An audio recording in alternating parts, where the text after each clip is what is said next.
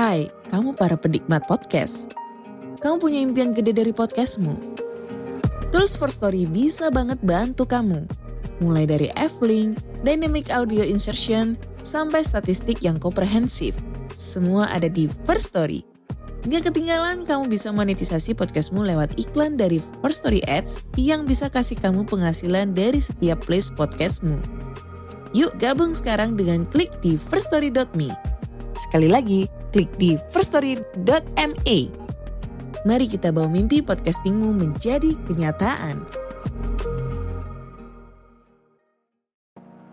Podcast ini bekerja sama dengan First Story. Kalau kalian belum pernah dengar First Story, ini adalah platform palu gada baru yang paling keren dan memiliki fitur yang lengkap. Dan yang paling menarik, podcastmu bisa dimonetasi loh. Tunggu apa lagi? Yuk buruan, gapai potensi maksimal podcastmu dengan tools dari platform hosting terbaik untuk para podcaster. Daftarkan sekarang di firststory.me.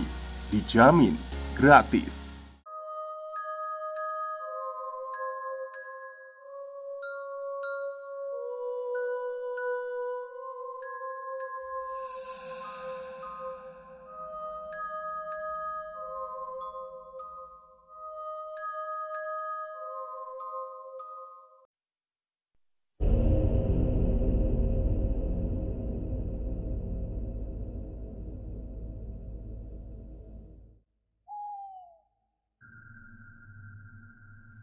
Assalamualaikum warahmatullahi wabarakatuh. Halo semuanya Jumpa lagi dengan saya Chow Sing Sing Kurator dari podcast Horror Night Story.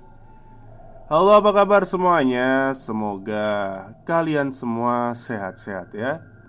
Dan seperti biasanya pada hari ini saya kembali dan akan menceritakan sebuah kisah mistis untuk kalian semua dan kisah mistis kali ini adalah lanjutan dari cerita kemarin tentang radio tengah malam yang ditulis oleh Mas Dioseta. Oke, daripada kita berlama-lama, mari kita simak ceritanya. Sulit mempercayai dengan apa yang kulihat. Kedua temanku terkapar tidak berdaya setelah berurusan dengan makhluk halus yang selama ini hanya muncul di cerita yang kubacakan saja. Dan sekarang, di hadapanku ada seseorang memimpin sekumpulan makhluk halus itu yang mengaku sebagai Nandar. Seseorang yang setia mengirimkan cerita-cerita seramnya untuk radio tengah malam. Seharusnya ini akan menjadi cerita yang menarik Kenapa kalian merusaknya? Ucap Nandar kepadaku. Eh, jangan main-main. Perjanjian apa yang kamu lakukan dengan setan-setan itu? Tanya Pak Lek Bimo kepada Nandar. Bukan urusanmu. Setidaknya Aku masih bisa mendapatkan satu korban untuk mengakhiri cerita ini Lanjut Nandar sambil meninggalkan ruang penggilingan. Aku teringat akan Ranto. Dia ditarik oleh makhluk yang tidak aku kenal wujudnya. Teman saya Pak Lek. Ranto. Masih ada satu teman saya lagi yang belum ketemu Kataku pada Pak Lek. Jul Cari duluan. Kalau ketemu panggil saya Perintah Pak Le pada rekan kecilnya itu Sambil membantu menghampiri Nizar. Beliau membacakan doa pada sebotol air Dan meminumkannya pada Nizar. Terlihat Wajah Nizar tidak lagi pucat dan terlihat sedikit tenang. Bisa jaga temanmu ini. Saya dan Mas Ardian harus mencari temanmu yang satu lagi Tanya Pak Le pada Nizar. Tapi pak Kalau setannya datang lagi gimana? Tanya Nizar dengan ragu. Udah nggak usah takut. Ada mereka yang menjaga agar makhluk itu tidak mendekat ke ruangan ini Jelas Pak Le Mereka siapa Pak Le? Tanya Nizar lagi. Mas Ardian Menyalakan lagi korek api. Perintah Pak Lek kepadaku Aku mengangkat kembali korek api yang masih menggenggam di tanganku Dan menyalakannya lagi. Kilatan api menyala kecil Namun cahayanya cukup untuk menerangi seisi ruangan. Dan samar-samar Terlihat sosok-sosok makhluk halus di ruangan ini Mereka adalah makhluk yang kami lihat di dekat pintu masuk tadi. Aku merinding. Nizar pun juga terlihat sangat panik. Mereka ini penunggu pabrik gula sini Dan yang itu namanya Sri. Dia yang akan memberitahuku kalau kalian dalam bahaya. Ucap Pak Le sambil menunjuk pada sosok kuntilanak Dengan wajah yang tidak utuh lagi Dia berdiri di dekat pintu. Pak, yang benar saja. Masa kami tinggal sama mereka di sini? Protes Nizar dengan wajahnya yang kembali pucat. Sudahlah, mereka tidak akan melukai. Jangan lupa baca doa saja mohon perlindungan dari Tuhan. Itu akan menjagamu dari niat-niat buruk Ucap Pak Le yang bersiap diri Menyusul Panjul. Ketika api dari korek itu mati Tidak ada lagi sosok makhluk halus yang terlihat di ruangan itu. Ruangan demi ruangan kami masuki. Tidak ada tanda-tanda keberadaan Ranto.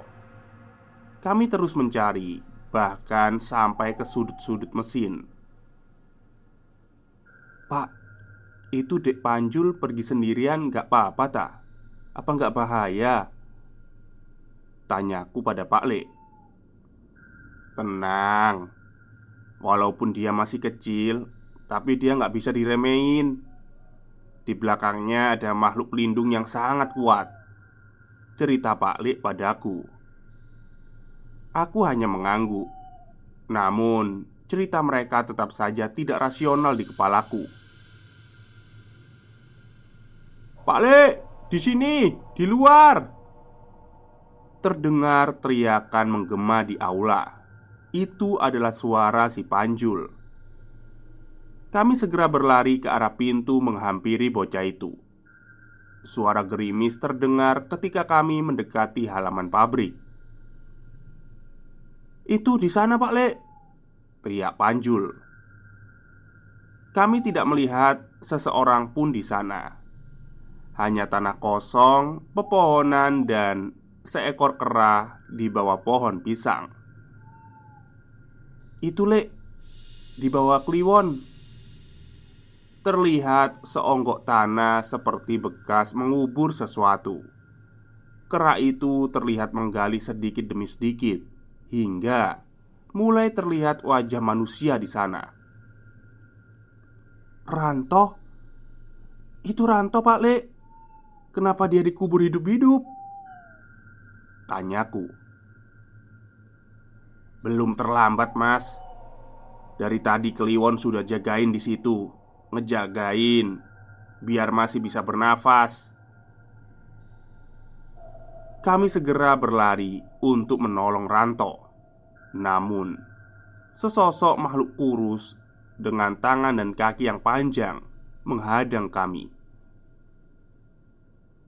"Kamu tolong temanmu. Makhluk ini biar kami yang urus." Perintah Pak Lek kepadaku. Aku berlari menghampiri Ranto Kali ini tidak ada rasa takut Di pikiranku Nyawa Ranto yang terpenting Aku menggali dengan tangan kosong Mengeluarkan sedikit demi sedikit bagian tubuh Ranto ini Namun Yang kukhawatirkan terjadi Dari atas pohon pisang menetes cairan hitam Aku perlahan menoleh ke atas Namun tak lebih dari sejengkal dari wajahku muncul wajah penuh belatung dengan rambut yang rontok, bergelantungan terbalik menatapku.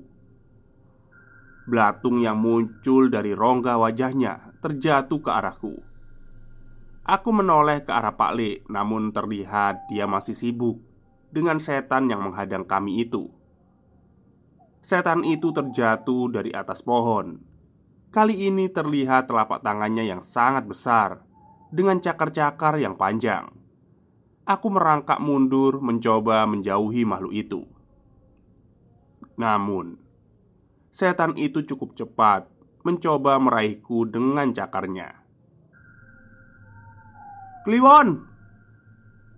Teriak Panjul seolah memberi perintah. Monyet kecil itu berlari ke arahku, melompat ke perutku seolah mencoba melindungiku. Cakaran besar makhluk itu mencoba menyerang.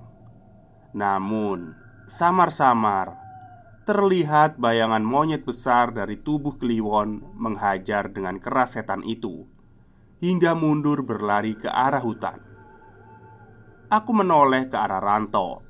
Tubuhnya sudah keluar dari timbunan tanah Rasa emosi membakarku. Tak pernah kubayangkan semua ini berasal dari seseorang yang kukenal. Nandar, keluar kamu. Selesaiin urusan kita sekarang. Teriakku di tengah gelapnya malam. Pak Le dan Panjul menoleh. Cukup heran dengan apa yang kulakukan. Sesosok manusia keluar dari dalam hutan. Terlihat dia menyaksikan semua yang terjadi dari dalam sana. Ardian, kamu ingat cerita ritual pemanggil setan di Gunung Lawu yang kamu ceritakan? Ucap Nandar. Ini hasilnya. Sekumpulan makhluk halus berkumpul di sekitar Nandar. Kamu gila. Berapa banyak tumbal yang kamu habisi? Tanya Pak Le. Banyak, terlalu banyak. Semua nama yang mati sudah kukirimkan kepadamu Ucap Nandar memandangku. Aku mencoba mengingat semua cerita yang dikirimkan oleh Nandar. Hampir semua tokoh utama di ceritanya mati mengenaskan. Mungkin itu yang dimaksud Sudah. Cukup hentikan semua ini. Ucapku pada Nandar Tidak bisa. Harus ada bayaran atas semua ini Yaitu nyawa kalian Ucapnya. Pak Lik Bimo menghampiriku. Terlihat Kliwon dan Panjul berada di sampingnya. Tidak. Tidak ada dari kami yang akan jadi korban ilmumu Ucapnya sambil mulai membacakan doa Terlihat wajah putus asa di wajah Nandar. Dia tahu makhluk-makhluk pengikutnya tidak akan bisa mengalahkan kemampuan kedua orang hebat ini. Wajah Nandar terlihat mulai pucat. Air mata mulai menetes di matanya. Baiklah, kalau bukan kalian tumbalnya, berarti sekarang giliranku. Ucapnya dengan isak tangis. Aku tidak mengerti dengan apa yang dimaksudkan. Namun, aku melihat Pak Lek berlari ke arahnya. Namun, belum sempat meraihnya. Puluhan makhluk halus tadi menyerang kami dan mengerubungi Nadar. Menarik kedua tangannya dan mencabik-cabik tubuhnya. Ardian, kamu akan ceritakan ini di radiomu kan? Ucapnya lagi memaksa berbicara. Terlihat makhluk hitam yang tadi merasuki tubuh Didi meraih wajah Nandar, mengeluarkan kedua mata Nandar dari wajahnya. Terdengar teriakan putus asa yang menghilang bersama dengan tubuhnya yang berserakan. Aku merenung, apakah semua ini karena perbuatanku? Mas, Udah, nggak usah dipikirin. Itu salahnya sendiri Ucap Panjul kepadaku. Malam ini terasa sangat panjang. Kami menghampiri Nizar dan Didi Dan membawanya ke kampung. Di pagi hari Warga kampung berkumpul menghampiri kami tak sedikit yang memarahi kami atas perbuatan itu. Tiga hari berlalu, Didi Nizar Ranto sudah hampir pulih dari luka-lukanya. Dika datang menjemput kami dan meminta maaf atas kesalahpahaman di siaran radio. Aku tak mempermasalahkannya, jelas itu bukan salahnya. Pak Le, terima kasih ya atas bantuannya. Saya berhutang banyak sama Pak Le, sama kamu juga, Dek. Ucapku pada Pak Lik dan Panjul. Benar mas, warga desa juga sudah baik mau bantu ngobatin kami. Tambah Nizar. Pak Lik tersenyum Dan terlihat Panjul mengambil sesuatu dari dalam rumah. Mas, Mas Ardian Tanda tanganin radioku dong buat kenang-kenangan Bocah itu sambil menyodorkan radionya. Ya ampun Panjul. Kamu itu sudah nyelamatin nyawaku Ya harusnya aku yang minta tanda tangan kamu. Jawabku padanya. Lagian setelah kejadian ini kayaknya Saya mau berhenti dari radio tengah malam. Nah Ardian Gak usah menyalahkan diri sendiri atas kejadian semalam Jangan kira hanya Nandar yang terinspirasi dari radio tengah malam ini si Panjul juga salah satunya. Hanya saja Nandar itu memilih jalur yang salah. Ucap Pak Le. Aku mengambil radio yang dibawa Panjul dan menandatanganinya. Ini aku tulis nomor HP ku juga ya. Kamu bisa hubungin aku kapan aja. Ya, anggap aja aku kakakmu sendiri. Ucap Ardian pada Panjul. Matur suwun nggih Mas Balasnya dengan senang. Kalian sering-seringlah main ke tempat ini. Saya berencana menjual sawah dan mencoba mengoperasikan pabrik gula itu lagi. Datanglah Kalau tempat ini sudah tidak angker lagi Kata Pak Le Siap Pak Le Setiap ke kota ini Kami pasti akan mampir kok Ucap Didi pada Pak Le kami pun pamit dan meninggalkan desa ini. Terlihat sosok pabrik tua yang terlihat megah di siang hari. Tidak ada bayangan apa pun, dan tidak akan terbayang apa yang terlihat saat hari sudah mulai gelap, kecuali kalian merasakannya sendiri. Epilog Beberapa minggu berlalu setelah kejadian di pabrik gula, aku mencoba kembali ke ruang siaran. Walaupun cukup ragu, aku memutuskan kembali memulai siaran. Namun kali ini, aku akan memilih-milih cerita. Terutama, aku tidak akan memilih cerita yang berbau ilmu hitam. Gimana, bro? Udah siap tempur lagi? Ucap Dika sambil menepuk punggungku. Kita coba tapping ya. Kita mulai dari cerita yang ringan dulu. Balasku. Ya udah, sana pemanasan dulu. Lanjut Dika. Aku memasuki ruangan. Mencoba melihat sekeliling ruangan. Nampaknya aku memang rindu dengan ruangan ini. Aku menyetel posisi mic dan menyiapkan naskahku. Namun sebelum dimulai mendadak lampu ruangan mati disusul dengan komputer di hadapanku. "Dik, Dika, lampunya mati!"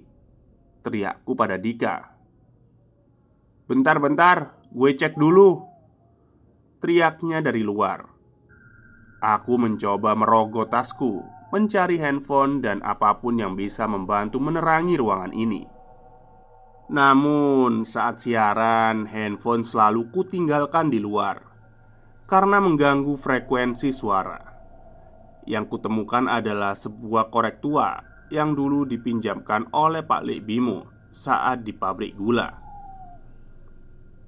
Aku sedikit ragu untuk menyalakannya. Namun, suasana gelap sudah berhasil membuatku cukup gelisah. Percikan api muncul dari pemantik yang kuputar. Apinya pun menyala Cahaya mulai menerangi ruangan ini. Kuharap ini cukup untuk menghilangkan rasa gelisahku akan gelap. Tapi ternyata sebaliknya. Sesosok wanita dengan kepala yang hampir terputus menempel di belakang monitorku.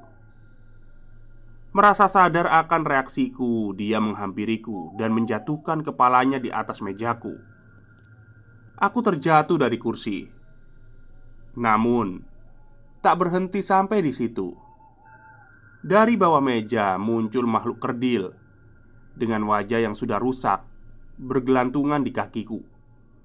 Sontak aku mundur dan menjauhinya. Namun punggungku menyentuh sesuatu Aku menoleh ke belakang. Kain kafan lusuh yang penuh dengan tanah berada di hadapan wajahku. Ternyata sesosok pocong selama ini berdiri di belakang tempatku duduk. Korek api terus menyala. Aku mencoba meniupnya, namun gagal. Terlihat seseorang dari kaca ruangan. Aku berlari menghampirinya. "Dik, Dika, bukain pintunya Dik Teriakku Namun Yang terlihat dari kaca bukanlah Dika Sesosok manusia dengan wajah yang sudah tidak utuh. Matanya tidak lagi ada di tempatnya. Aku kenal wajah itu. Itu adalah Nandar. Ardian Kamu bisa melihatku? Tanya makhluk itu sambil berjalan ke arahku. Hah, enggak, pergi, pergi kamu. Aku mengusirnya.